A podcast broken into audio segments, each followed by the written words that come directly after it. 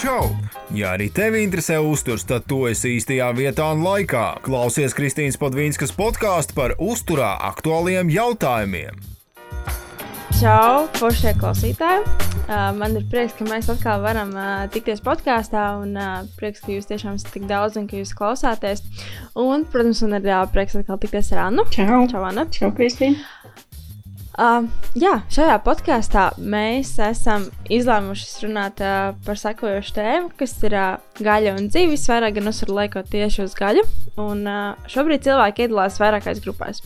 Ir tie, kuri ēd gaļu, un tie, kuri nēd gaļu. Savukārt, tie, kuri nēd, iedalās vēl sīkākās. Uh, piemēram, nēd ētisku apsvērumu dēļ, nēd tāpēc, ka negaršo, uh, tāpēc, ka žēl dzīvnieku, vai tāpēc, ka viņu prāt gaļa nav veselīga un nav cilvēkam nepieciešama.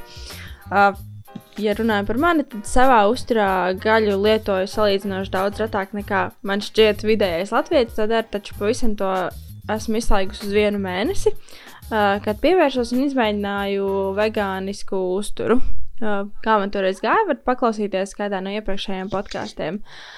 Ja mēs runājam par gaļu un tās nozīmi uzturā, tad gaļa ir produkts, kurā ir daudz proteīna, jeb olbaltumvielu, uh, Mēs šajā podkāstā lietojam gan, gan proteīnu, gan nobaltumvielas, kā nu kur ir vairāk pieradusi, bet uh, atcerieties, ka tas ir viens un tas pats. Jā. Gaļā ir arī dažādu minerālu vielu, piemēram, dzelzs un cinks, kā arī daudz vitamīnu. Uh, taču, kas, kas varbūt nu, ne, ne tās netik pozitīvās īpašības, varbūt būtu tas, ka ir uh, holesterīns vairāk, uh, piesātinātie tauki, nu, ja mēs salīdzinām ar citiem produktiem. Piemēram, ja mēs skatāmies vidēji, tad uh, lielopā ir 9,3 gramu tauku uz 100 gramiem gaļas, un uh, savukārt cūgaļā 12,4 gramu uz 100 gramiem cūgaļas. Ir pieejama tāda dažāda tauku daudzuma gaļas, un uh, 10 gramu tauku uz 100 gramiem ir tāda diezgan liesāka maltā gaļa vai gaļas gabals. Jo paši tas, ko mēs, mēs redzam, ir 20 līdz pat 30 gramu tauku, kas ir tāds vidējais, man šķiet, nu, tāds izplatītākais lielops, lielopu veids Latvijā un arī šeit, Lielbritānijā. Mm -hmm. nu, kā, kā jau mēs arī ar tevi jau runājām pirms tam, tad uh, varbūt arī tādas gaļas, kur samazināt šis tauku tausmas, bet viņai attiecīgi arī cena būs lielāka. Nu, jā. nu, jā. Uh, gaļa ir tāda neatņemama uzturs sastāvdaļa cilvēku ikdienā jau gadiem ilgi, un uh, tā tiek ēsta dažādās kultūrās. Uh, Un, kāpēc es saku, ka gadiem ilgi, nu, noteikti paši zināt, kādreiz mēs bijām vairāk mednieki, un, un, un, un tad gaļa bija tāds no tādiem svarīgākajiem uzturu produktiem. Uh, Taču gaļas patēriņš pēdējos gados ir pieaudzis ļoti strauji, un iespējams tas ir saistīts ar konvencionālās lauksaimniecības ienākšanu un attīstību pasaulē. Balstoties uz pārtikas un agrikultūras organizāciju, pasaulē uz vienu cilvēku 1980. gadā tika izlietot aptuveni 30 kg gaļas. 2005. gadā tie jau bija 41 kg, 14. gadā 43 kg ja mēs skatāmies pa, pa, pa kontinentiem, pa valstīm, uh, tad visvairāk gaļa tiek. Tika patērēta Austrālijā un ASV, kur vidēji uz cilvēku gadā bija 100 kg. Un vismazāk tas ir bijis Indijā, kas ir uh, aptuveni 5 kg gaļas gadā uz vienu cilvēku. Anna, tu neesi dzirdējis, kā, kā mums ir Latvijā, cik ļoti mēs ēdam? Nē, es te paskatījos. Es, es arī ne, nepētīju, bet es, es domāju, ka mēs varētu būt kaut kur pa vidu, jo tāds nu, standarta vidējais Latvijas ēd gaļu katru dienu. Plus mīnus. Nu, varētu teikt, ka jā. Jā, man, man liekas, ka tā ir. Uh, tas, tas lielākais uztraukums, par ko ir, tā droši vien būs uh, šī pārstrādātā gaļa, uz kuru arī ir uh, veikti vairāki pētījumi, par kuriem mēs jums arī pastāstīsim. Uh, Un šajā sakrā gribu mazliet pastāstīt arī par Šveici, kas tiek, par, tiek uzskatīta par vienu no tām valstīm, kur pārstrādāti gaļas produkti tiek iekļauti salīdzinoši bieži. Un es pat teiktu, ka tas ir katru dienu. Un, uh, lai gan neesmu nekad dzīvojis Šveicē, daudz par šīs uh, valsts kultūru, ēšanas paradumiem uzzinu savā coaching klienta, kurš man ir uh, pilnlaika coachingā, un uh, kur darba vieta ik pa laikam ir tieši Šveice. Un, uh, Gaļas tur ir daudz, tiešām ļoti daudz, un ļoti, ļoti pārstrādāta. Un trakne un visādi sacepta tur desiņas, bekonā un vēl kaut kādā apelciņā. Nu, viss kaut kas tāds. Un, uh, protams, arī Latvijā mēs varam atrast dažādas gaļas pārstrādes produktus, taču, manuprāt, uh, mūsu uzturā tie būs, tie būs tik, dikti retāk nekā Šveicē. Ja mēs runājam par Lielbritāniju, ļoti izplatīti tie pārstrādātie produkti, un gaļa arī tīpaši. Un var redzēt, ka, nu, Te var skatīties no dažādām pusēm. Ir ļoti daudz, kas um, svaigs un, uh, piemēram, dažādi toku procentu gaļa maksā vienādu summu. Nav tā, ka Latvijā, mm. nu, kā es esmu redzējis, ka tā liesāka gaļa maksā daudz vairāk. Un tas sanāk, ka tu nu, īsti nevari, nu, es, piemēram, nevarētu tā mierīgi nopirkt katru dienu. Nu, zin kā, tas, tas tā naudas atšķirība ir diezgan jūtama.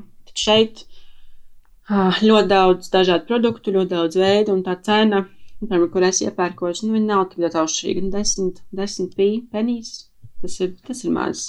Bet uh, ir arī ļoti populāri tie pārstrādātie produkti, pārstrādātās gaļas, pārstrādātās maltītes ar, ar to gaļu iekšā. Un tas, ko es dažreiz vēroju, kas man tā, nu, es saprotu, ka nevar, nevar vērtēt cilvēku pēc tā iepirkuma groziņa, bet, kad es redzu lielu ģimeni sestdienas rītā ar um, nereāli daudz pārstrādātās gaļas un reknās gaļas grozā un pārstrādāto produktu, tad, nu, ir tā mazliet, nu, tā dīvaini. Mm -hmm. Pēc, ka tu, jo, tu saproti, ka tas tas, ko viņi ēd, un tas, kas skaitās normāls viņiem. Jā. Bet, uh, jā. nu, saprot, ir dažādas situācijas, bet es, piemēram, skatos, ka tu vari dabūt tik daudz kvalitīvāku gaļu un tu vari samazināt pārstrādātās gaļas daudzumu. Bet cilvēki, tāpēc, ka joprojām daudz kas pieejams, nereāli daudz kas pieejams, un tas pārstrādātais bieži vien ir tas garšīgākais arī. nu, jā, ja tā paskatās. Jā. nu, saprotam, tā, tā izvēle ir saprotama. Un, uh, nu, jā, tāpēc es tā, man gan patīk, gan nepatīk tas tā uzturu, kult, uzturu kultūra šeit. Jā, nu, nu. Tas, tas ir tāpat kā mēs ar tevi. Mēs uh, esam par par pārdomātu uzturu, kas nozīmē, ka arī tai pašai desmitņai ik pa laikam ir vieta uzturā, ka tas nav nekas Jā. tāds, kas ir ok. Uh, bet, nu, ja mēs runājam par tādu ilgtermiņu uzturu, protams, ir lietas, kurām jābūt mazāk un kurām ir jābūt vairāk. Un, ja mēs runājam par šo pārstrādātajiem, par, par pārstrādātajiem gaļas produktiem, kāpēc tie nebūtu ieteicami, tad tie tiek saistīti ar dažādām chroniskām slimībām, kā piemēram sirds un asinsvadu slimības, dažādi vēža veidi, otrā tipa cukura diabetes un uh, citi. Un par pārsēdātu gaļas produktu sauc to, kurš visbiežāk ir gatavots no sarkanās gaļas, un uh, tie dažādi žāvējumi, sālījumi, kūpinājumi. Uh, šīs dažādas pārtikas tehnoloģijas izmanto tāpēc, lai paildzinātu gaļas term derīguma termiņus, uzlabotu šo gaļas krāsu un garšu. Taču, taču, jā, taču šāda te. Jā, kaut ko mēs te pazudām, bet tūlītās mēs atkal būsim, būsim atkal atpakaļ. Un mēs mēģinām tagad sakonektēties ar Annu. Uh, Viss ir kārtībā. Jā, viens.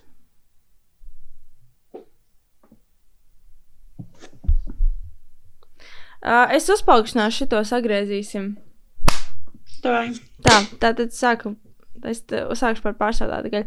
Uh, par pārsādātu gaļu parasti sauc produktus, kurus biežāk ir gatavot no sarkanās gaļas, un tie ir dažādi žāvējumi, sālījumi vai kūpinājumi. Uh, un šīs dažādas pārtikas tehnoloģijas izmē, izmanto tāpēc, lai, piemēram, paildzinātu gaļas derīguma termiņus, uzlabotu gaļas krāsu un garšu. Jo, protams, mēs ēdam ne tikai, ne tikai ar, ar muti, mēs ēdam arī ar acīm, ar degunu. Nu, protams, pārnestā nozīmē. Un, uh, no nu šāda gaļa bieži vien satur daudz piesātināto tauku holesterolu, sāli, nitrītus, policikliskos, aromātiskos ogļūdeņražus, kā arī heterocikliskos amīnus. Nu, par tiem tad cīkāk arī Anna, Anna jums pastāstīs, kāpēc tas īsti nebūtu labi. Un nitrīti un nitrāti dod produktam to sāļāku garšu un kavē nelabvēlīgo baktēriju vairošanos. Un uh, to pievienošanu, lai gaļai, gaļai un gaļas izstrādājumiem izskatīties pievilcīgākiem, jo krāsa ir tāda rozīgāka vai sarkanīga. Un uh, tāpēc mēs esam tādi, nu, mums, mums, mums patiktu viņi ielikt groziņā, es tā teiktu. Viņš tās tā labi. Un tad mēs runājam par uh, heterocikliskiem amīniem, tad uh, tie veidojas, kad uh, dzīvnieku muskuļu gaļa tiek gatavota ļoti augstās temperatūrās, tā cepšana, kūpināšana. Un tāpēc, ka sastāvdaļā reaģē aminoskāpes gaļā, cukuri un krētīns un krētenīns, kas ir uh, muskuļu gaļā, tad uh, veidos tie amīni.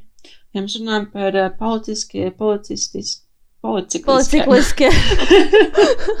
Policikliskie. policikliskiem aromātiskiem ogļūdeņražiem, tad uh, tie veidojas, kad gatavošanas procesā tā sula un ūdens uh, tauki no gaļas nonāk uz karstām virsmām un vai atklāto uguni. Un tāpēc veidojas dūmi un liesmas. Un jo augstāka gatavošanas temperatūra produktam, uh, un jo ilgāks gatavošanas process, jo vairāk uh, šo vielu veidosies. Un, um, Jāpiebilst, protams, ka šīs vielas būs aktīvas tikai tad, kad izies cauri tām pārvērtību virknēm un uh, būs notikusi bioaktivizēšanās un pārstrādes nu, organismā. Un šajā procesā pie, piedalās arī daudz enzīmi, bet um, pētījumos tie ogļūdeņraži un amīni dzīvniekiem izraisa vēzi.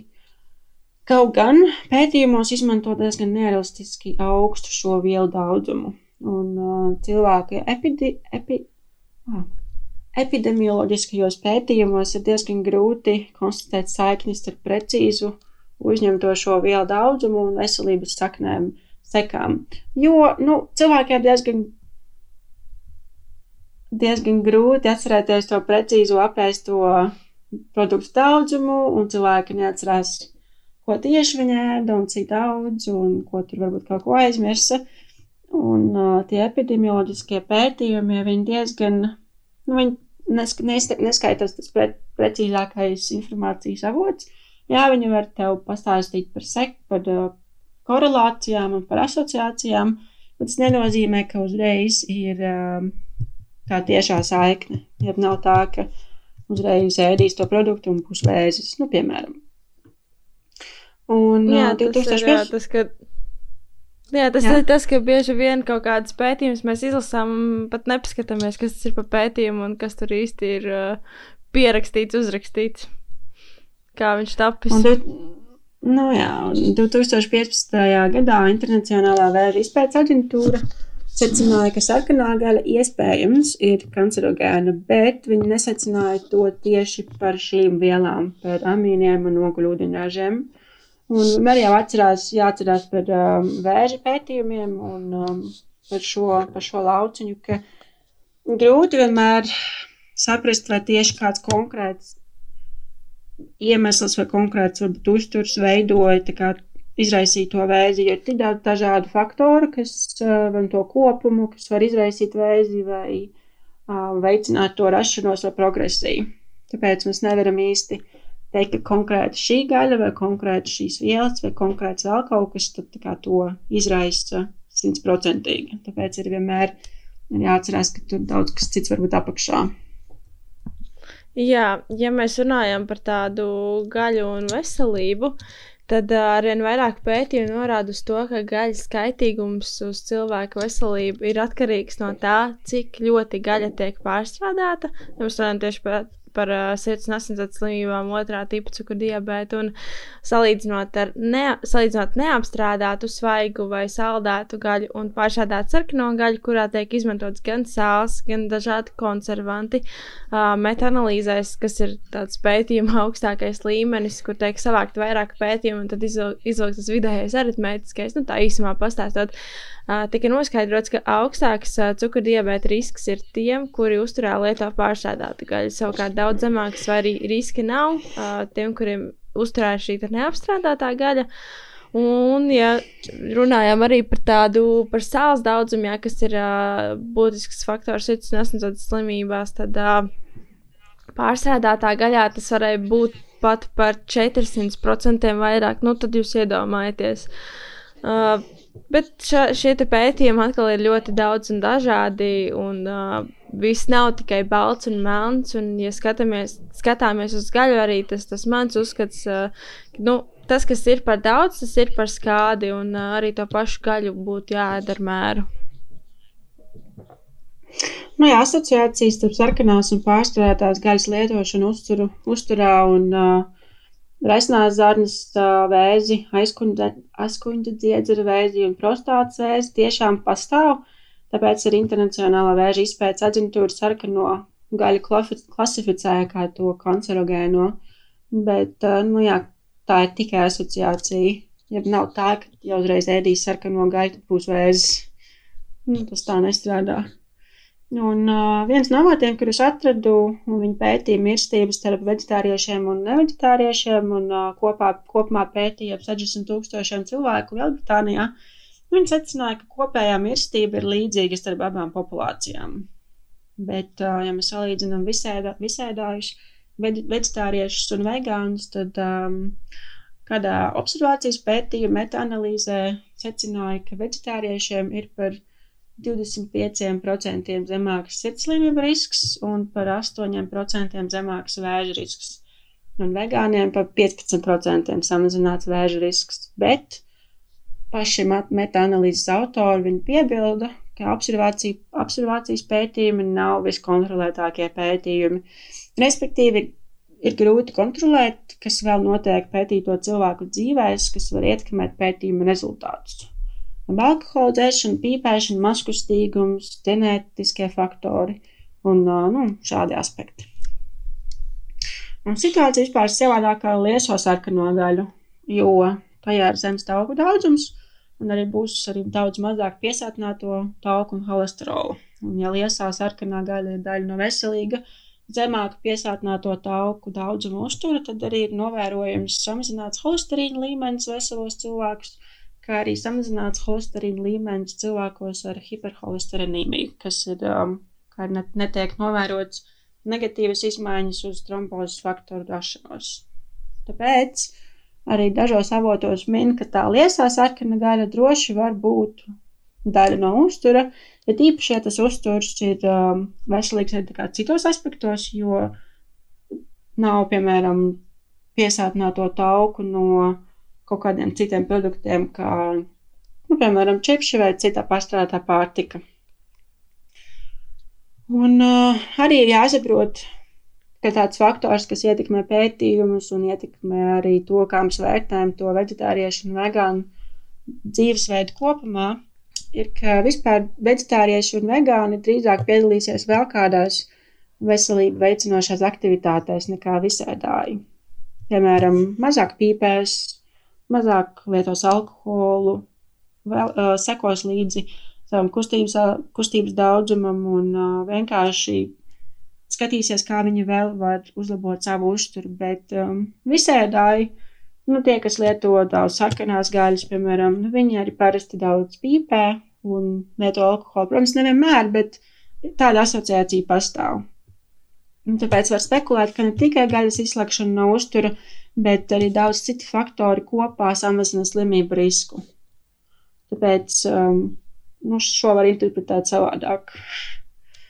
Un tāpēc arī Internacionāla vēža izpētes aģentūra un vēža izpētes institūts rekomendē ierobežot sarkanās gaļas lietošanu uz maksimāli trīs reizes nedēļā, jeb mazāk par 500 uh, gramu nedēļā. Jeb, nu, respektīvi, trīs porcijas nedēļā kopumā mazāk par, 100, par 500 gramiem un pēc iespējas atteikties no gaļas izstrādājumiem, vai arī uzņemt mazāk nekā 50 gramus pārstrādātās gaļas dienā. Mm -hmm, tad šis, šis būs tas daudzums, ko mēs varam apēst. nu, Cik tev vāns sanāk nedēļā? Tas, tas, tā, tā ir rekuma, sarkanā Jā. gaļa. Vienreiz nedēļā mm -hmm. man ir 200 grami. Okay.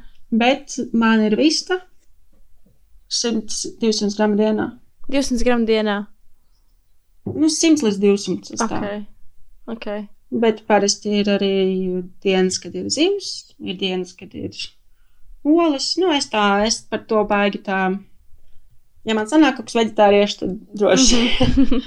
Bet tāpēc, ka man, um, es tomēr jūtos labāk ar gaļu uzturā, un man patīk, man garšo. Es tā cenšos atrast to vidējo labvēlīgo ceļu. Nu, jā, es, es atceros, ka tas arī bija pie tevis. Nu, man gaļa ir, tu nezinu, divas reizes nedēļā. Dažreiz ir tā, ka ir nedēļas bez gaļas, dažreiz pat ir divas nedēļas bez gaļas. Dažādi varēju. Man, man nav tik, tik strikti. Ka man obligāti vajag gaļu. Un uh, es atceros, ka, kad es biju pie tevis Londonā, tad mēs katru dienu ēdām. Tas bija arī tāda, tāda interesanta pieredze. Man liekas, pat gandrīz katrā, katrā ēdienreizē kaut kas bija. Un tad Nē, bija, bija būt. tā. Jā, bija. Ne, ne jau gaļa. bija jā, no, Ja mums gaļa fish, mums bija fish and dienā. chips. Mums bija fish and chips. Kaut kā tas nebija pie manis. Jā. nu, jā, Tas bija centrālā bet tas, Londonā, tas ir kas obligāti jāizdara. Jā. Tu, tu nevari aizbraukt uz Londonu un nepagašot fish and chips. Mums dzīves vispār nav sarkanā Nu, jā. gaļa. Protams, protams. Tas tā. Mums nav vienreiz nebija sarkanā gaļa. tie kebabi. Tā nebija lielāpa. Jā. Kebabi? Nu, mēs, tu tos kebabus ņēmi uz, uz, uz tiem iesmiņiem. Tā bija Ah, viss. ok. tā. Nu, labi. Un Nu, nebija nebija garšīgi. tas gan jā. Okay. Tā kā tas mans lauciņš ir uzturzinātne, un tas prasa arī dažādu pētījumu izstrādāt, ik pa laikam mēdzu taisīt mikropētījumus Instagram un Facebook. Un tas, ko šoreiz vēlējos papētīt, bija gaļas lietošanas tendences manā mazajā populācijā, manu sekotāju vidū, un lūk, dažas lietas, ko es, ko es tur piefiksēju. Uh, Paldies tiem, kur atbildēja uz jautājumu. Jautājumiem bija 469 respondenti, un no šiem gaļu savā uzturā lietoja 89, bet nelieto 11%. Un šeit varu pieminēt arī to, ka viena no šī gada uztura tendencēm, 2000 2020. gada uztura tendencēm, būs uzturs, kurš ir vairāk bāzēts uz augu valsti. Uh, jeb uh, arī tāds termins, varbūt kaut kur būsiet dzirdējuši, fleksitarianisms, uh, kurš pamatā ir augu valstu uzturs, taču tiek lietot arī dzīvnieku valsts produkti, taču daudz mazāk nekā ierasts klasiskajā diētā. Uh, vēlējos arī uzzināt to, kāpēc cilvēki izvēlas neēst gaļu, un uh, kādu atbildžu variantus piedāvāja sekojošus ētiskus apsvērumus, uh, negaršo veselības dēļ, kā arī vienkārši tāpēc, ka mīl dzīvniekus. Un uh, šeit rezultāti iedalījās salīdzinoši vienādi visiem jautājumiem, taču lielākā daļa atbildēja, ka gaļu nēd veselības apsvērumu dēļ. Par to, cik daudz gaļas tiek lietots uh, uzturēt tiem cilvēkiem, kuriem ēd šo gaļu, tad dati ir sekojoši. 10% lieto vienreiz nedēļā, 38,7%, kas, manuprāt, ir diezgan liels cilvēku skaits, uh, ir tādi, kas lieto katru dienu, 46,1% no aptuveni pus- puse cilvēku lieto 2 līdz 3 reizes nedēļā, kas ir nu, līdzīgs šis te, kā, kā būtu aptuveni šīs rekomendācijas arī. Un uh, pavisam mazs skaits, 5,2% gaļu lieto retāk kā reizi nedēļā.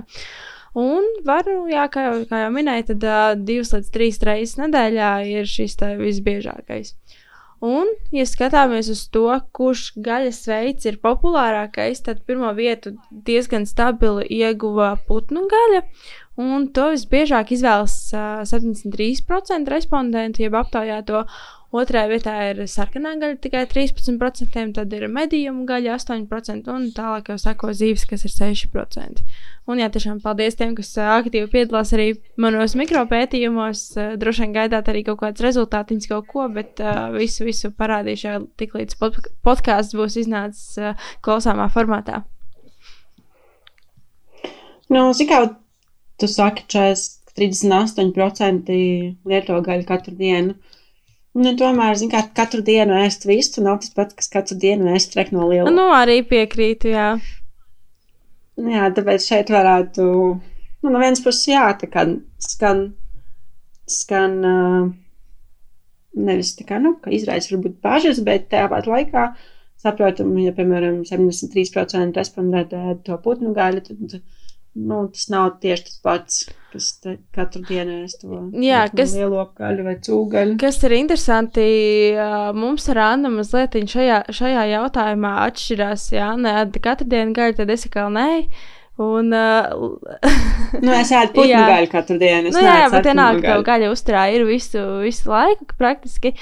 Tad, uh, nu, es, es kā būtu pie tām divām līdz trīs reizēm nedēļām, gan putnu, gan, gan sarkano, bet uh, tur var būt ļoti, ļoti dažādi šīs te, šie te viedokļi un, un, un uzturu paradumi. Tāpēc, tāpēc man likās, jā, ka man, man tie 38,7% ka tā ir katru dienu, man tas likās daudz. Kā tev, Anna, ko tu uzzināji par saviem? Nu, man, Manā mikro, mikro, mikro pētījumā piedalījās 727 cilvēki, un arī līdzīgi tev bija 11% nelieto gaļu, un man 15% cilvēku nelieto gaļu un gaļas izstrādājumus. Un no tiem, kas ēd gaļu, divas trešdaļas to ēd biežāk par trīs reizes nedēļā, un viena trešdaļa retāk. Un arī man sekotāju vidū populārākā ir putnu gaļa, un tad seko sarkanā gaļa un mēdīņu gaļa. Es esmu daudz to pamanījis respondentu vidū. Uh, un arī pamanīju malto gaļu. Man šķiet, tas varētu Latvijā būt tāds vieglāks veids, kā nopirkt gaļu. Tas varētu būt tā. Uh, droši vien, un ātrāk arī pagatavot, tev nav nekas ne jāgriež, ne, ne, ne jādara. Tev ir viss jau praktiski gatavs. Nu, jā. Un es arī pamanīju, ka ir aktuāli pirkt no saimniecībām vai zināt izcelsmi. Tas cilvēks tiešām tā uzsver, ka Viņi grib zināt, no kurienes tā gaļa īsti nāk, precīzi vietu. Kas ir ok. Uh, mums bija arī uzdoti daudz un dažādi jautājumi. Tas jums jau ir apnicis, ka mēs nekad neatbildam uz tiem jautājumiem, ko mums uzdod. Bet mēs rūpīgi gatavojamies podkāstam. Šis ir podkāsts, kad mēs vēl neesam pateikuši, ka mēs kopā rakstām podkāstu. Bet drīz, drīz, drīz, drīz tas brīdis jau pienāks klāt. Mēs gribam vienkārši aktīvi pastrādāt, lai jums ir visu laiku klausīties. Nu jā, Un uh, bija dažādi jautājumi, diezgan daudzi atkārtojās, uh, un tad mēs uztaisījām tādu, tādu apkopojumu, kas, kas varētu, varētu būt, jā, un kas, kas ir tas, kas jums visvairāk interesē.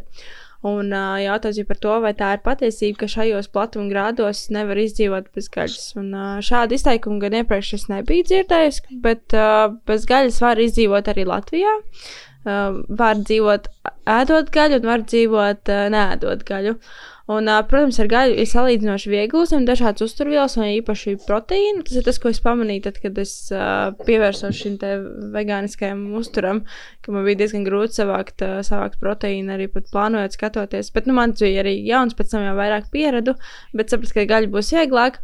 Um, taču var izdzīvot arī ievērojot gan vegānisku, gan vegetāru dzīvesveidu. Un jautājums ir par to, kā jūs plānojat šīs maltītes, vai jūs sekojat līdzi uzņemtajām uzturvielām, un vai tās ir pietiekošā daudzumā, tik cik organismam ir nepieciešams. Nu, par, par visādām devām un, un, un, un, un, un iete, ieteicamajām dienas devām. Tā tālāk jūs varat paklausīties arī kaloriju skaitīšanas podkāstā, kur mēs ļoti daudz runājam par to, gan kā jūs varat aprēķināt, uh, cik daudz kas jums ir nepieciešams. Un tur Anna visādas formulas arī pastāstīja. Tā kā, ja ir interesi, cik daudz ko vajag, tad uh, viss var darīt, vienkārši dariet un izrēķiniet. Kristīna, man ir tāds, nu, es tā dažreiz aizdomājos, ja?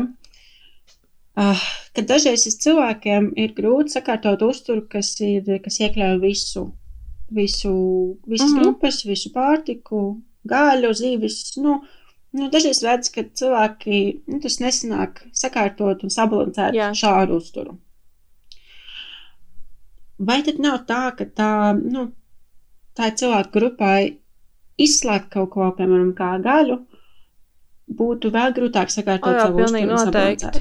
Ja viņi, saprot, ja viņi nemāk vai nezin, kā ēst sabalansēti visu, Pavisam cita lieta ir iemācīties sakārtot un sabalansēt uzturu, lai dabūtu visu, ja tajā nav tādas ēdienu mm -hmm. kā gaļa. E, jā. Nu, un, tāpēc man tā, jā, tu vari bez, bet um, tev jāzina daudz, daudz vairāk.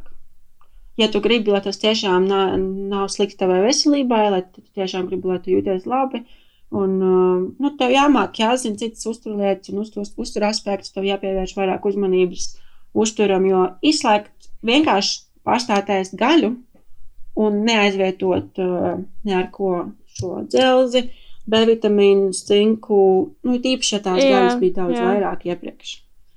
Tas, tas ir tā, man šķiet, ir nelēmas formula.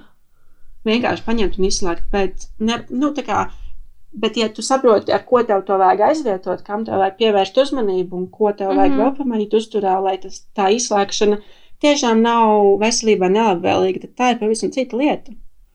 Un, um, manuprāt, tāds lēmumus, kā vienkārši paņemt un izslēgt gaļu. Tas ne, nu, protams, tā- tas nebūs jāapsver. gudri. Jā. Tas tur tev pilnīgi piekrītu, un tā arī ir tā vislielākā kļūda uh, tādiem ne, ne, neizglītotiem vegetāriešiem, vegāniem, ka viņi izdomā, ka ok, es tagad nēdīšu gaļu, bet ko es likšu vietā, nu, neko baigi ne, citu neielieku vietā. Un, uh, tas ir parasti tas, ko es saskaros arī, kad atnāk pie manis kādi klienti, viņiem tur, nezinu, sieva izdomājas, ka viņa būs veģetārieta, meita izdomājas, ka viņa būs veģetārieta. Tā, ok, nu, tā kā man interesē arī, arī tas, kā, kā cilvēks, nu, tāda viņa ģimene, kurā, kurā viņš uzturās, kā tur arī pret viņa, viņa uztur paradumiem un kāda ģimenē ir uztur paradumi.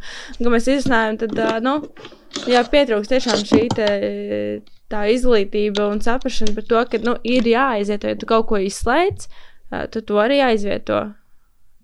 Nu, Tas, tas, tas ir tas lielākais caurums, Jā. kas, kas bieži vien arī ir. Ja to dara gudri, vegānisms, veģetārisms jau var būt ok. Tas nav. Jā, jo, zin kā, arī tas vegānisms, tas arī ir varbūt tikai pārstrādātie čipši, kas ir vegāniski. Un, nu, tas vegāns uzturs varbūt veselīgs. Jā, varbūt jā tieši tāpat kā visādāji uztursim. Mēs varam ēst tikai salātus un Jā, Kā jau mēs kaloriju skaitīšanas podkāstā Jā. runājām, kad pieliekam avokado riekstus, sēklas, eļļas. tad, Nu, jā, nu, jā, ja, ja Tas, ir, ja ir tiešām tā izpratne, tad uh, pilnīgi noteikti var izdzīvot bez. Un, nu, nav, nav problēma.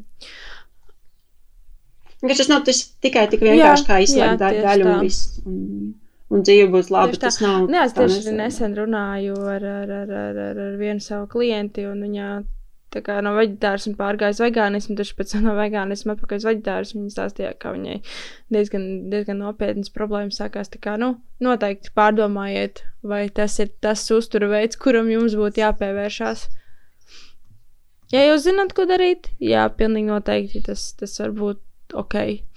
Ok, turpinām par zivīm cik tad reizes nedēļā ieteicams ēst zivju produktus, tad uh, zivis visbiežāk mēs uzturā lietojam tajās esošo vērtīgo omega-3 augstskābju dēļ, kuras piedalās dažādos procesos organismā, palēnina novecošanos, uzlabo asinsvadu stāvokli un citus.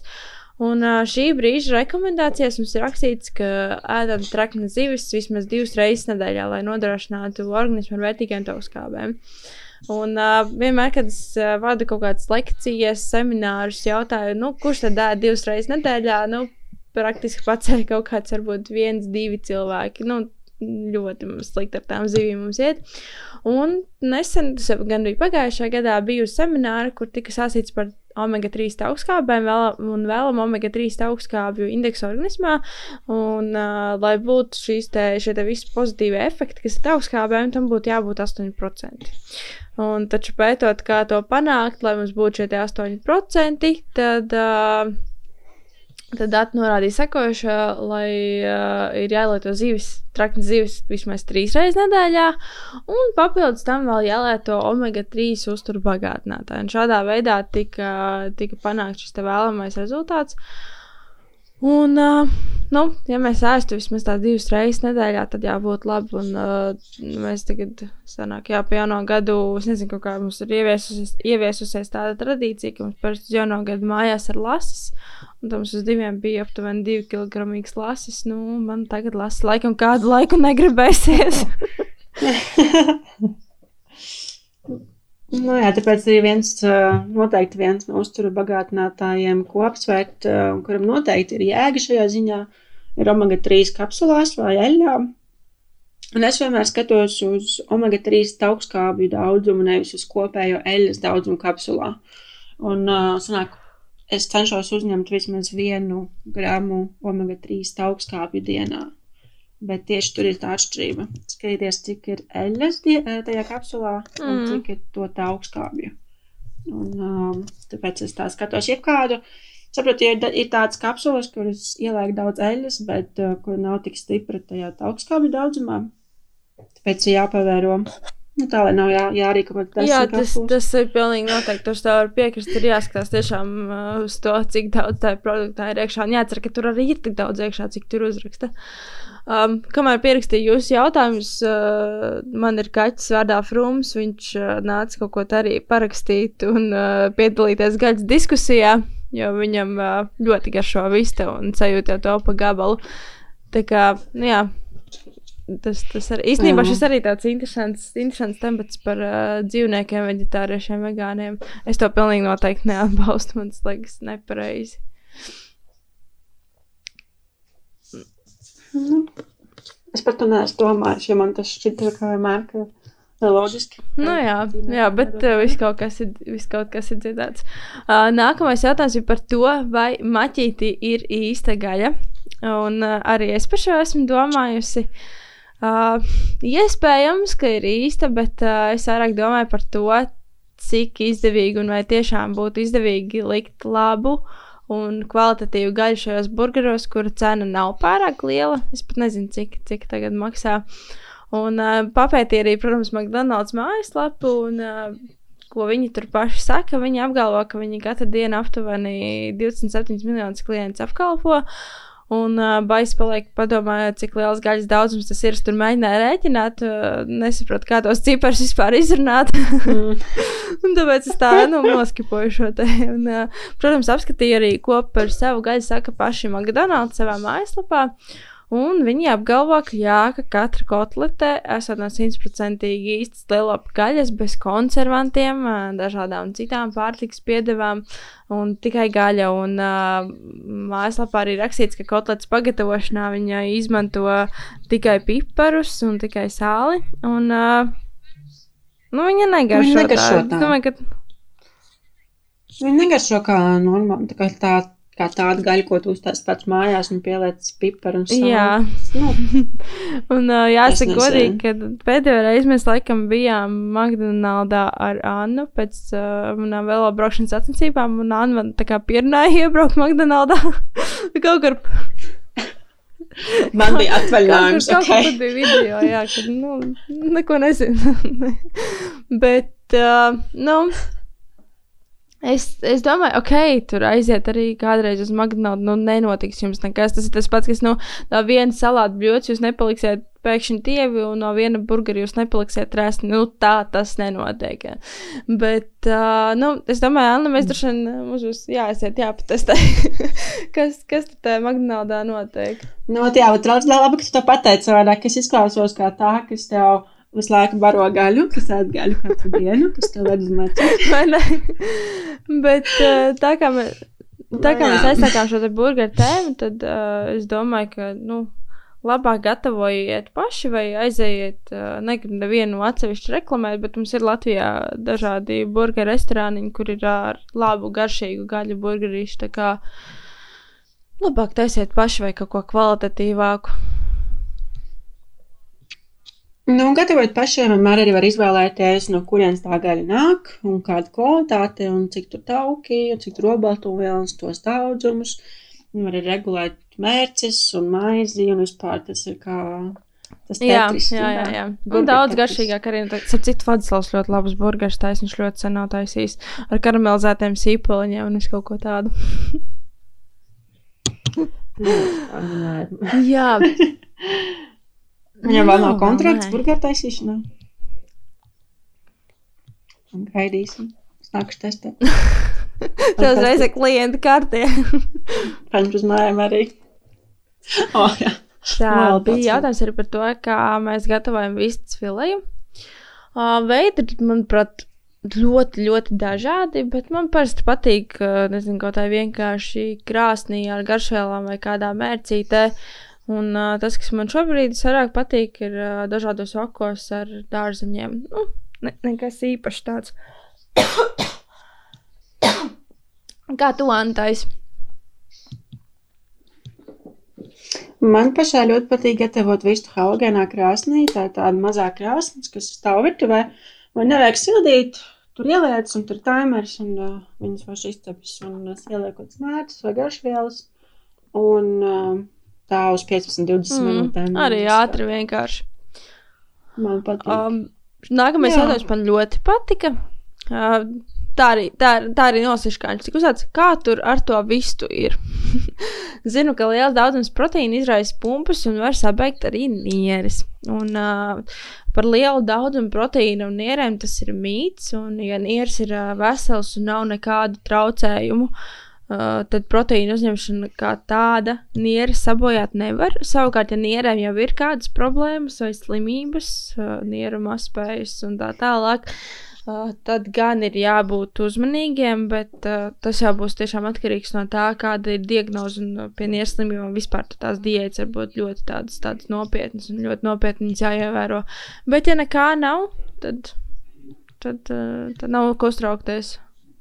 Nu, Šis mīts, šis mīts vispār nu, par to, ka mm, proteīns bojā nieres vai aknas. Tas nāca no tā, ka cilvēkiem ar nieru problēmām ir jāievēro Mm -hmm. zemāk oboltumvielu daudzuma uzturs. Tāpēc arī san, sanāk, ka radās tās viedoklis, ka o, nu tad jau visiem ir jāēd maz oboltumvielu, lai nesabojātu nieres, bet tas tiešām ir attiecis tikai uz tiem, kuriem ir tās problēmas. Un uh, metāanalīzēs un zinātniskajā telpā ir secināts un pieņemts, ka vecsam cilvēkam augstu obaltumvielu daudzums uzturē pilnībā drošs. Pētīja 2,5 gramu, uh, 2,5 gramus uz, cil, uz cilvēka ķermeņa masas kilogramu vai pat 3 gramus uz kilogramu. Tā kā tur var būt diezgan droši, ka viss ir kārtībā, ja tev nav Mm -hmm. Vēstures, ar, uh, nu, ģimenē nav vēstures ar nieru slimībām, Jā, tur- un tev tur, jā. pašam viss ir kārtībā. Tas, tas pilnīgi noteikti, ka ir kaut kas ar nierēm, tad tiešām prātīgi paskatieties, paši konsultēties arī ar savu ārstu. Uh, par pumpām. Nu, es uzreiz kaut kā sapratu no cilvēka, kas man to uzdeva, ka visticamāk tā bija domāta akne. Un uh, arī mazliet vairāk palasīju, pameklēju, kas, kas vai, vai tiešām ir kaut kāda saistība. Un pārsvarā pētījumos tika pētīts cūgaļu proteīns un tā ietekme uz ādu, taču arī tur rezultātā tika noteikts, ka noteikti būtu jāsāst vēl visādi dzi dziļāki pētījumi, padziļinātāka izpēte. Un uh, arī podkāstā par ādu mēs, mēs ar Annu Mindi jau runājām par, par, par piena ietekmi un tā tālāk. Katram cilvēkam organisms var reaģēt dažādi uz dažādiem produktiem. Ja ir pamanīts, ka nu, metās no tās gaļas pumpas, kas, protams, var būt arī no kaut kā cita, nu, pamēģiniet, paskatīties, kā ir bez viņas. Uh, bet noteikti, kā jau Jāna teica, tad uh, paskatieties, ar ko jūs to varat aizvietot, lai, nu, lai jūs uzņemtu arī uzturvielas. Bet, nu, kā es saku, īsti tam pierādījumu nav, ka gaļa izraisītu pumpas, bet, uh, kā es teicu, ja tavam organismam tāds ir, tad uh, paskaties, ko tu vari darīt lietas labā. Uh, Jautājums, kāpēc iesaka ēst uh, gaļu vienreiz nedēļā un vispār cik būtu ieteicams? Nu, kā jau mēs izrunājām, tad uh, šīs tā rekomendācijas ir divas līdz trīs reizes nedēļā. Un uh, tad uh, tā viena reize nedēļā varbūt uh, varētu būt saglabājusies tāpēc, uh, ka tas, ko cilvēki pārstrādā saprot ar gaļu, uh, ir dažādi gaļas pārstrādes produkti, marinējumi, žāvējumi, desas, desiņas un citi. Un, uh, kā jau teicu, arī jā, šie produkti var būt uzturā, taču ne bieži, un to vairāk varētu saukt par tādu našķi, nevis, nevis pilnvērtīgu uzturu. Un uh, tas, ko es esmu novērojis, ka salīdzinoši maz cilvēki eksperimentē virtuvē un ēd dažādas gaisa alternatīvas, tās pašas lētas, pupiņas, turku zirņi, soja un citi. Un, uh, Protams, ka gaļu var ēst, gaļu ir jāēd, bet ir vērts pamēģināt arī dažādus citus ēdienus no citiem produktiem. Un, uh, ja regulāri eksperimentējam, izņēmam dažādus produktus un receptes, tad uh, nu, ir kādi, kuriem pietiek ar to vienu reizi nedēļā, ir kādi, kuriem vajag tās divas līdz trīs reizes nedēļā. Nu, saku, ir jāskatās vispār uz to kopējo cilvēku uzturu, ko viņš ēd visas pārējās nedēļas dienas.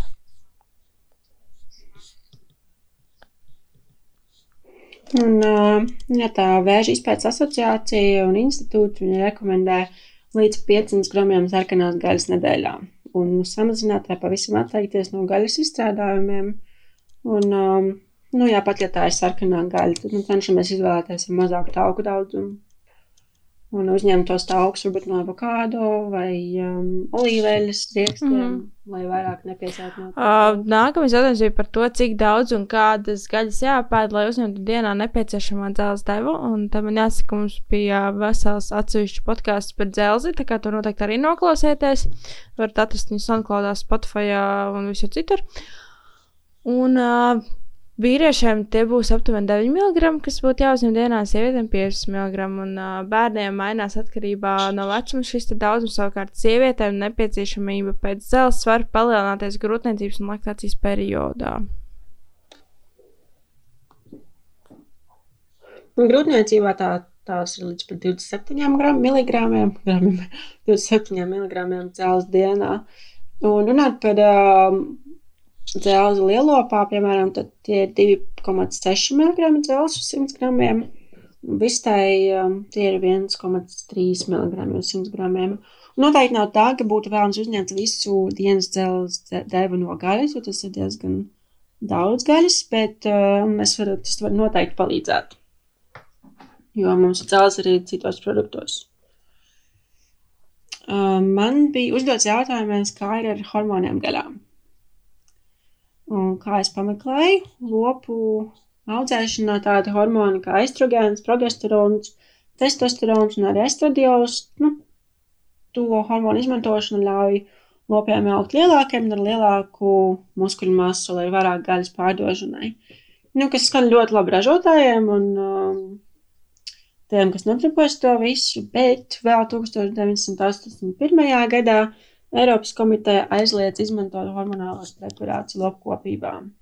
Tā kā vispār to izdarīt ir nelegāli Eiropas valstīs. Es zinu, ka varbūt nu, gadsimta sākumā uh, Ziemeļamerikā vēl atļauj to darīt, bet uh, Eiropā nedrīkst uh, izmantot tā kā Eiropā un nedrīkst arī uh, ievest no citām valstīm gaļu, kas ir ar hormonāliem preparātiem audzēta. Bet, ja mēs teoretiski pieņemsim, ka hormonus tāpat izmanto, mēs vispār nevaram viennozīmīgi spriest par konkrēto saikni starp hormoniem gaļā un to ietekmi uz cilvēku veselību, jo hormonu gaļā ir daudz, daudz mazākos daudzumos nekā cilvēka ķermenī dabiski jau ir. Un ir tas jautājums, vai mēs uzņemot gaļu ar hormoniem vai tie hormoni vispār ir bioaktīvi mūsu grēmošanas sistēmā, jo um, tāpēc jau arī hormonus um, Intravenāzi. ievada caur, Mm. nu, jā, jā, nevis um, to baro. Nu, jā, tas, Tāds, tas, ko es arī. Nu, es, jā, šis ir tāds tiešām diskutējums jautājums, kas patiesībā noteikti mēs neuzzināsim. Bet, uh, nu, dažreiz tu paskaties, piemēram, nopērts veikalā vistas fileju, un viņi vienkārši nenormāli milzīgi. Nu, viņi ir milzīgi, piemēram, tādā, nezinu, pie vecmāmiņas kūtī, jau, kūtiņā, nē, kas, kur aug vistas dieniņās. Laktiņas, es nezinu, kā to sauc. Nē, nu jā, viss tagad dzīvo kūtī arī šausmas. Bet, jā, ja nu tādas uh, laukos augušas visciņas būs stipri tievākas, un uh, arī tā gaļas garša būs citādāk. Bet, nu, tas, ko es esmu novērojusi, ka varbūt tā pilē nav nemaz tik liela, viņa vienkārši ir šausmīgi sašpicēta ar ūdeni. Nu, Nu, parasti cep, cep visu, tev vienkārši viņi sārājās tā, Jā. ka tev no tā puskilograma, es nezinu, ir palikuši 300 grami. 200 grami. Nu, labi, varbūt es pārspīlēju, bet uh, nu, es zinu, ka tas ūdens. Es zinu, ka tas ūdens tiek pievienots diezgan lielā daudzumā klāt. Jā, tā, tā tas ir, bet nu, cik reāli tā pila ir bijusi liela, nu, visticamāk, mēs pat nezinām.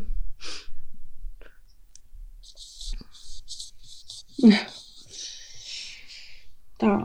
Vai gaļas lietošana uzturā tiek pārlieku pārspīlēta? Uh, nu, kā, kā, jau, kā jau mēs te runājam, tad uh, mums, mums tās domas, domas vairāk atšķirās. Es esmu vairāk uz, uz tādu fleksitariānismu, droši vien tendēta, ka es, nu, es gribu kādu ik pa laikam, bet uh, regulāri es, es viņu tik, tik bieži nēdu. Es domāju, ka tas arī ir atkarīgs nu, no katra paša. Nu, ja tu jūties labi, ēdot gaļu katru dienu, uh, tev viņa garšo, tu jūties tiešām ok, tad, nu, kāpēc nē? Uh, savukārt man ir, nu, es zinu, ka es, piemēram, pati, pati nēdu cūkaļu ļoti, ļoti, ļoti, ļoti reti. Nu, tāpēc, ka man vienkārši nav pēc, pēc tam pēc viņas ir smagi. Bet uh, nu, tas, tas, ko es jau arī teicu, ka es gribētu, lai cilvēki vairāk eksperimentē savā virtuvēs, lai viņi izdomā nu, dažādas citas alternatīvas. Man liekas, nu, tas, kas mums šobrīd ir pieejams, mums ir daudz un dažādi produkti, no kuriem mēs varam visu kaut ko gatavot. Nu, ja mēs paskatāmies tādu parasto latviešu, tie parasti ir uh, kartupeļi, gaļa, nu, labākajā gadījumā kaut kāda salāta vēl klāta, kaut kāda dārzeņa. Kā, kā tev liekas? Nu, man šķiet, tas var skatīties no abām pusēm. Protams, es domāju, ka mums ir jāsamazina gaļas patēriņš, treknās gaļas patēriņš un jāfokusēs vairāk uz uh, augiem, dārziņiem, pilngraudu produktiem. Bet tas ir tas arī, ko es cenšos darīt, jo, ja es esmu laika gaitā samazinājis, cik daudz gaļas es ēdu, es esmu atstājis to minimumu. Man ir vegetāriešu dienas, man ir, nu, es tā kā nespeciāli, bet es vienkārši mm. saprotu, ka, ja man neprasās gaļu, es viņu nēdīšu tīri tāpēc, ka es nedomāju, ka jāiet ēšanas pēc, bet, ja man prasās kaut ko tūns vai kaut ko tādu vai olas, nu, es uztaisīšu, man nav obligāti jāiet gaļa, bet, jā, gaļa ir diezgan bieži uzturā, salīdzinot, piemēram, ar tevi. Bet um, es arī domāju, ka pārlieku pārspīlēti sociālais spiediens cilvēkiem to nēst. Atteikties, un es galīgi nepiekrītu tam viedoklim, ka gaļa obligāti ir neveselīga.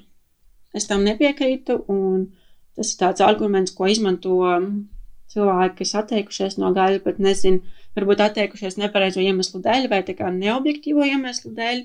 Re, viņi paskatījās um, Game Changers, kas vispār ir, nav, nav zinātniski, nav zinātniskā filma, vispār nav, nav vispār par to kauns, cik tā filma ir um, nekorekta un mm. cik ļoti daudz naudas tajā iesaistīts tajā ziņā, ka visi tie, kas tur piedalās un ko saka tie paši ārsti un zinātnieki, ja, ka viņās, viņiem tiek maksāts un viņi finansiāli uh, ieinteresēti runāt to, ko viņi runā, lai viņiem nav naudas zudumi.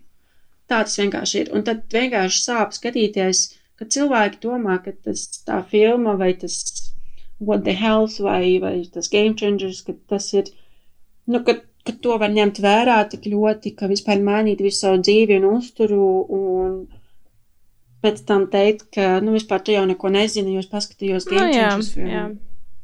Nu, un šeit es esmu pamanījis UK. Uh, dažiem cilvēkiem, nu, ja tu ēd gaļu un tu neesi vegāns vai vegetārietis, tad uz tevi paskatās ar šķību aci ja redz, nu, zin kā, kaut kādā vietā vai, nu, kur, kur tu aizēji auto vai normāli pienu, nedzers. Nu, man tas, man tas apkārtējais spiediens nep nepatīk. Ko es, piemēram, izjūtu sociālos mēdījos dažiem cilvēkiem, ko es izjūtu varbūt veikalos, ka viss, nu. Jā, tas, tas ko es arī domāju. Es nezinu, Katrs varbūt izvēlās tomēr to to savu uzturu, un kā, kā, kā es esmu arī savu pieņēmusi, ka es uh, svešā šķīvī nelienu, kamēr man to nepajautā. Bet, uh, nu, es domāju, ka taisnība ir visiem, ir gan tiem, kas ēd gaļu, ir gan tiem, kas nēd gaļu, jo, nu, man personīgi ir bijis tā, ka es, nezinu, man uznāk muraļņiki, un es nevaru to gaļu nopirkt. Nu, vienkārši nevaru. es saprotu, Nē, absolūti. Okay, nē. Tev, bet Protams, tu to neuzspiest uz citiem. Tas, tas, tas ir ma manas attiecības ar ēdienu, ja, kā, kā, kā mēs jau, jau runājām. Bet uh, es pilnīgi noteikti. Nu, es neuzskatu, ka kādam būtu tiešām jātaisa. Ot, nu, šis ir vienīgais un pareizais uztura veids, kuru vajag, vajag ievērot. Bet jā, tas nākamais jautājums, kas mums ir, ir par to, ka tieši lietoju gaļu katru dienu, bet kā lai pāriet uz rētāku laiku, ar ko aizvietojot.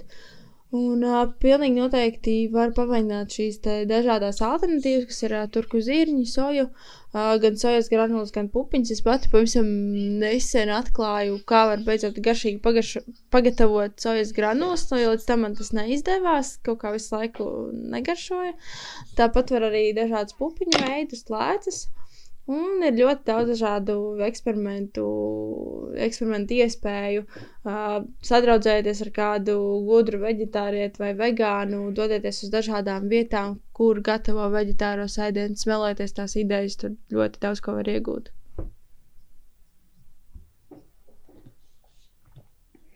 Un sākumā jā, varbūt varētu jā. arī aizvietot ar zivi, manuprāt.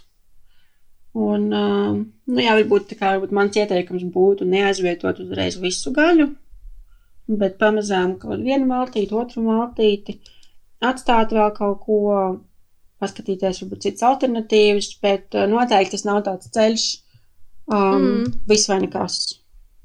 Nu, manuprāt. Un, um, ja izvēlēties gaļu, tad es ieteiktu izvēlēties ar zemāku tauku daudzumu, liesāku gaļu, respektīvi. Un, ja tev ir iespēja zināt, no kurienes tā nāk, kāda ir saimniecība, tad noteikti tas jāizmanto. Man šķiet, Latvijā tas diezgan iespējams. Protams, jā, ir iespējas. Jo, ko es jau esmu secinājusi pēc visa šī, ir, ka gaļa noteikti var būt daļa no veselīga uztura, un daļa, gaļa var veicināt veselību, bet specifiski jāsaprot, kāda gaļa tā ir, kāda daudzumā, kāds ir pārējais uzturs. Jo gaļa ir tikai viens maziņš aspekts, un ir vēl daudz citas lietas, ko mēs ēdam, kuras var ietekmēt mūsu veselību kopumā. Nu, tieši tā. Un vispār veselība nav tikai uzturs.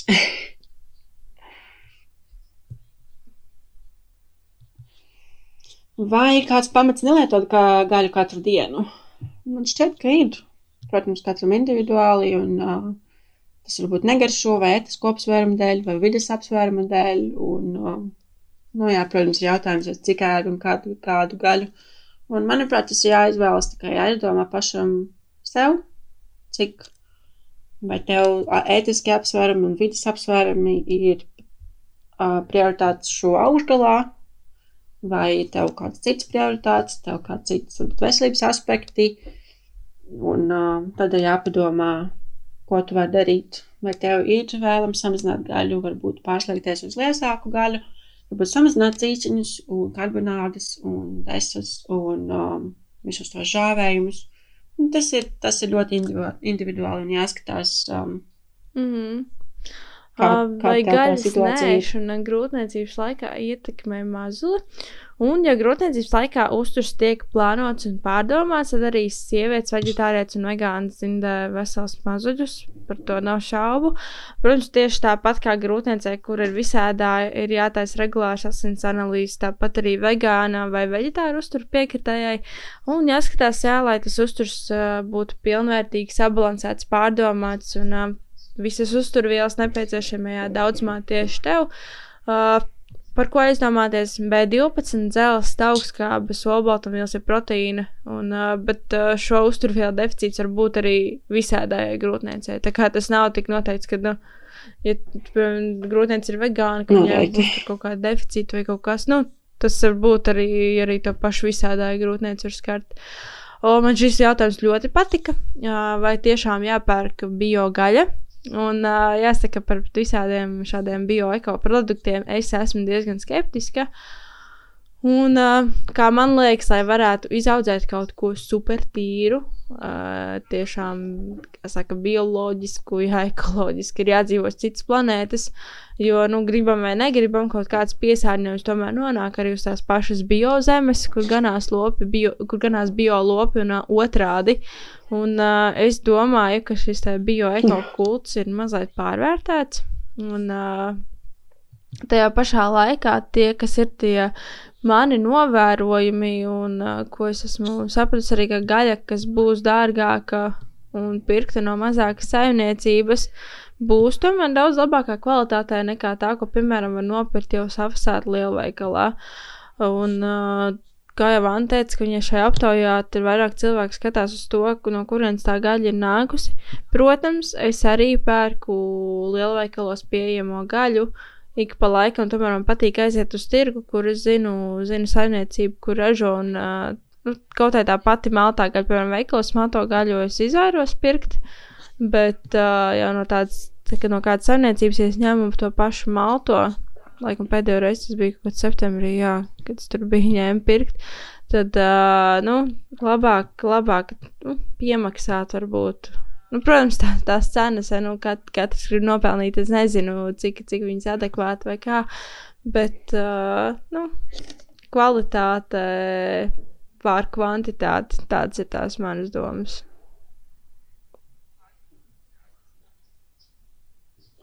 Es esmu dzirdējusi par lasu ka ļoti svarīgi, no kurienes tas nāk. Lai viņam ir um, atbilstošas omega-3 augstskābes un um, solbaltumvielas. Ir arī atšķirība, viņi tur audzēs kaut kur speciāli mm. vietās, vai viņš ir uh, grassfed. Um, savaļā. Grassfed. jāsver savu.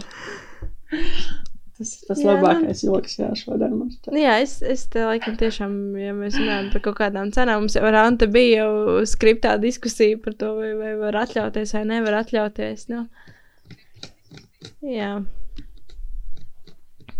Es, Mhm. es teikšu tā, es nepirkšu bio vai eko šeit, UK, jo es zinu, ka tas, ko es pērku, tas nāk no Lielbritānijas un nav nekad bijušas problēmas, tāpēc es netaisos maksāt divreiz. Tāpēc, ka mēs, nu, piemēram, man krišāns, krišāns diezgan neatgaļu, īpaši, piemēram, vistu. Un uh, man šķiet, ka tās, man, piemēram, man tās atšķirības, ko es dabūtu no bio un parastās gaļas, nav tik lielas, lai es maksātu to naudas summu. Bet, piemēram, Bērnu gaļa. bērnu gadījumā, bērnu gadījumā. Karā, ja, bū, ja būs bērnu gadi, gadījums, nu, ja būs bērni, kad būtu bērni, tad es uh, tomēr apsvēršu pirkt um, mm. -hmm. bio vai eko. Tu pamēģini, varbūt kādreiz Nu, notestē, uztaisīja uh, aklo pētījumu ar Krišāni, un viņš pasaka, kāda starpība ir vienā vai otrai gaļai. Nē, nē, nē, ne tas, ka viņš samazināja, bet vienkārši. Jā, bet tā ir ka viņš starpība. Uh, nu jā, pamēģini, tīri interesēts. Uh, Kāpēc Nu, medījums būtu labāks par cūku vai lielo? Varbūt tas ir mīts. Nu, šeit arī tāds diskutējums jautājums. Manuprāt, tā medījuma gaļa, nu, viņa ir citādāk. Tas tomēr ir uh, meža dzīvnieks, audzis dabā. Jā, Tas, nav- tas, tas, kas tur ir, tas tur ir. Jā, Jā, tas tieši- ir, tieši nu, domāju, īstāks nekā tas, ko piedāvā varbūt standartā veikalā. Un es domāju, ka arī uzturvielām bagātāks arī noteikti. Bet Nu, jā, bet varbūt, Arī, to- protams, varbūt protams iespēja, tas, arī bet tur uh, tajā pašā laikā tomēr to gaļu pārstrādā. Nu, kas, kas arī, kas arī, nu, jā, gaļu labāk nēst, kaut gan es Nu, zinu, nu, medniekiem tur ir visādi tur tie rituāli un kas tik vēl nē. es nezinu, es pat nezinu, kā to nosaukt. Bet, uh, nu, ja, ja runājam par medījumu gaļu, es nezinu, šeit man arī atkal, atkal iestādzās tāds, uh, tāds morālais, nu, man ir žēl, jā. Man ir žēl. ja mēs runājam arī par tādu vegetārismu, vegānismu, varbūt tad uh, zīves man nav laikam žēl, bet uh, tādu gaļu laikam. Nu, jā, varbūt. Nē, ziv, zivis man garšo, zivis es varu ēst. Nē, es, es nestrīdēšos. Uh. Šis bija arī ļoti interesants jautājums. Uh, vai tā ir taisnība, ka cilvēkam, kurš ēd gaļu, asins ir biezāks nekā tam, kurš nēd? Varbūt uh, tas spēja izraisīt kaut kādas slimības. Uh, mēs ar Annu domājām, štukojām, kā šis jautājums varētu būt domāts biezāks asins. Īsti līdz galam arī nesapratām, bet uh, tas, ko Anna man teica, ka varbūt tas ir domāts kaut kādā ziņā par holesterīnu, iespējams. Es esmu kaut kur redzējis tā bildi vai kaut, kaut kas tāds video, ka um, kāds paņem, nu, tā kā divi, divi paraugi. Viens cilvēk, cilvēks, kas nēd gaļu, un otrs, kas ēd, jā. Nu, kur viņi pēda, viens ap, apēd gaļu, otrs nē, un viņiem paņēma uh, asins uh, paraugu, un rekur, o, tas šitais, tas, kas ēd gaļu, viņam ir um, tās as, tā kā biezāks asins, un tas klaudīgs. Duļķains. duļ- Nu, kā tu pateici Latvijas, ka viņš ir ar... Um... Jā, jā, jā. Un re, kur viņi pateica, Nu, nu, oh, viss. jā, tā kā Nu, īsti, īsti zinātnisks pamatojums tam laikam Mm. nebūs. Nu, nē, jā, mm. nav, jo Mm. tas, tas tikai pēc maltītes, un tas nenozīmē, ka tas ir hroniski. Un arī no citiem ēdieniem arī. Um, nu, tas īsti nav, Varbūt, tas man šķiet jā. vairāk kā taktika, kā Bet, iebiedēt. nu, ja, ja mēs runājam jā, par tā pašu, par tā pašu holesterolu, Mhm. jāatcerās, ka jā, mēs viņu uzņemam no pārtikas, bet arī divas trešdaļas, kas ir to mums organi organisms sintēzē pats. Protams, ja jums ir kaut kāda tendence uz paaugstinātu šo te holesterīnu līmeni, tad uh, pilnīgi noteikti pasakojiet līdzi arī tam, ko jūs ēdat. Bet, uh, jā, par to asiņu biezināšanu. Nu, atkal ļoti skatieties, kas ir tā informācija, ko jūs lasāt, no kurienes viņa nāk. Un, uh, Un cik loģiski viņi izklausās. Jā, jo ir tik daudz cik, informācijas cik apkārt. Un, uh, es ceru, ka kaut kādā ziņā mēs ar, mēs ar podkāstu varam jums palīdzēt, uh, palīdzēt saprast, kas ir kas. Un, uh, jā, lai, lai taptu gudrāki un, un, un, un, un domātu vairāk pārdomātākas uzturu izvēles ikdienā. Un tieši tā, kāpēc, kāpēc tā veids, kāpēc jūs, kāpēc jūs zināt, kāpēc tās veids. Kā jebkurā lietai dzīvē. Uh, jā, mēs būsim izgājuši cauri tādai uh, foršai tēmai, manuprāt. Uh, ceru, ka jums bija noderīgi un ka jums bija vērtīgi, jo arī man interesanti bija paskatīties kaut kādu, kaut kādus literatūras avotus, kas ir kā, kas, kas ko domā, kas ko dod, kas ko nedod. Jo, nu, kā jau es teicu, mēs esam dažādi, un uh, arī mēs ar Annu jau esam dažādi savos gaļas ēšanas paradumos, kas, kas, manuprāt, ir ok. Jā, jā jo katram ir tas, kas tas to, kas viņam vislabāk strādā. Mēs... Un, uh, kā, kā jau es arī vairākas reizes, man liekas, šajā podkāstā teicu, visādāji ir ok, vegetārisms ir ok, vegānisms ir ok. Tad, ja jūs to rūpīgi plānojat, ja kaut ko izņemot, jūs to arī aizstājiet. Tā kā tiešām do, domājiet līdzi un uh, nedariet pāri savai veselībai, rūpējieties par sevi. Ja jūs mīlat dzīvniekus, turpiniet tos mīlēt. Es arī mīlu dzīvniekus, bet sēdu arī gaļu. Jā, tā tas ir. bet uh, uh, tas, kas arī ieteiktu. Uh, Ja jums ir kāds draugs vegetārietis, nesmējieties par viņu, vai vegāns arī nesmējieties par viņu, un vegāni vegetārieši nesmējieties par visādājiem, dzīvosim visi draudzīgi, uh, skatīsimies, kas ir uz katra paša šķīvja. Nu, ko mm -hmm. teikšu? Paldies, tev, Anna. Teikšu paldies visiem, kas klausījās. Un uh, turpināsim, turpināsim strādāt pie dažādiem podkāstiem. Uh, turpināsim rakstīt. Nākamais mums ir, man liekas, plānots par sociālajiem mēdījiem. Kaut kas tāds, kur vairāk mēs droši vien tādā diskusijas veidā parunāsim par to, kā, kas tiek ietekmēts un, un, un, un jā, kas, kas, kas vispār notiek pasaulē. Uh, tiekamies Facebook, tiekamies Instagram, tiekamies mājaslapā, rakstiet jautājumus, rakstiet tēmas. Kristīna Epildīnska. Kristīna Palīdz. Jā, tad jau tiekamies atkal, vai ne? Jā, čau! Urā! Čau! Tu nolamājies vienreiz!